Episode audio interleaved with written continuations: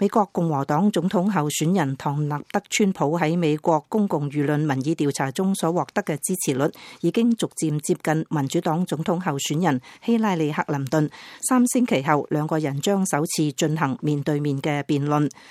好幾個美國民意調查顯示，克林頓領先於川普，不過川普正在迎頭趕上，將兩人嘅差距縮細至少四個百分點，甚至更少。